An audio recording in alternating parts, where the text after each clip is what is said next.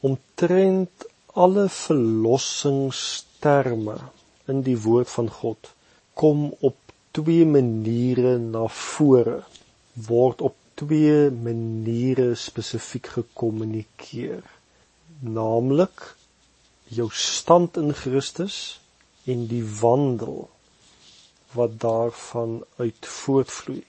Aan die een kant het ons die stand tekste ons posisie wat ons het in Christus wat vir ons heeltyd vertel wat in Christus alles volbring is klaar afgehandel is let wel die verlede tyd. En aan die ander kant vind ons die wandeltekste wat ook vanuit verlossing die stand uit voortvloei. Dis ook verlossingstekste. Maar hierdie tekste gee 'n opdrag om dit uit te voer in die praktyk te bewerkstellig wat ons alreeds is geword het in Christus Jesus. As 'n voorbeeld kan ons sê die wêreld is alreeds versoen met God 2000 jaar terug aan die kruis op Golgotha. Maar daar is 'n oproep, 'n uitnodiging, 'n opdrag om versoen te word met God. Daardie oproep, daardie opdrag is vir alle mense. God het homself versoen alreeds met die mensheid by die verlossing aan die kruis. God is nie meer kwaad vir die mens nie. Maar die waarheid is dat die wêreld leef nog nie in versoening met hom nie. Ek sal later nog voorbeelde gee. Die stand en wandel, die verskil soos deur die skrifte aan ons gebring is eintlik baie duidelik en is alreeds deur 'n hele paar teoloë beskryf.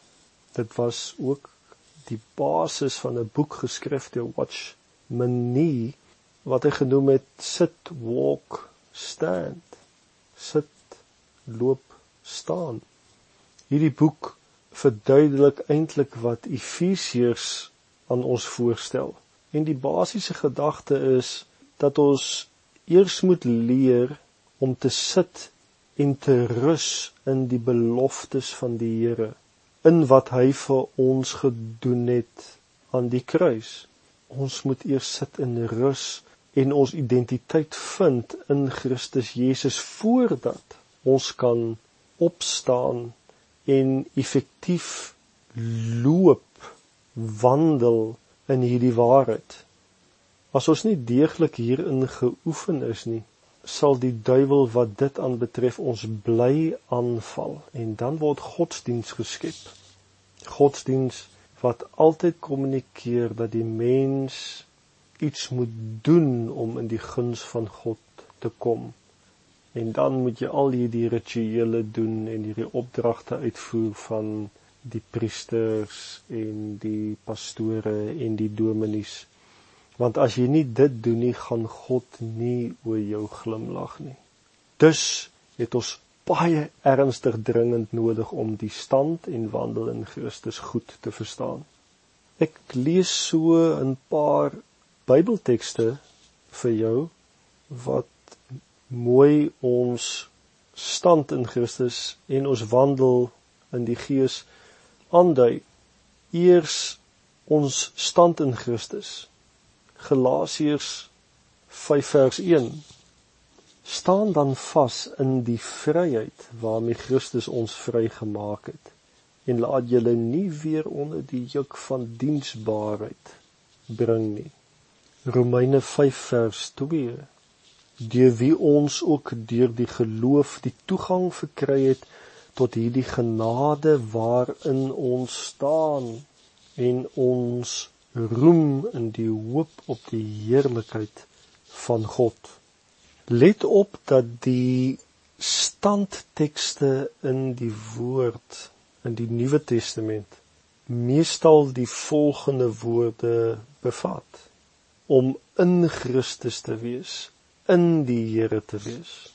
Die wandeltekste beskryf eenvoudig die oproep om te wees wat ons alreeds is as gevolg van ons posisie of stand in Christus Jesus. Hier is 'n paar tekste wat die aspek van wandel uitlig. Galasiërs 5:16 sê wandel deur die Gees. Efesiërs 4:1 sê ek vermaan julle dan wandel waardig die roeping waarmee julle geroep is.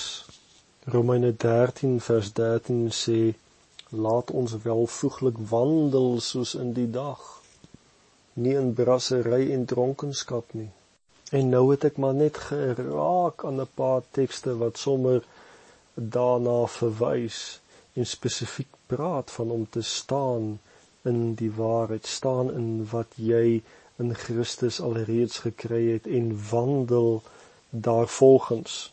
Daar is baie ander tekste wat ek vir jou sou kon lees. Maar dit is baie duidelik in die skrif dat die wandel altyd in praktiese uitvloeiing of manifestasie is wat nodig het om uit te vloei vanuit ons stand in Christus.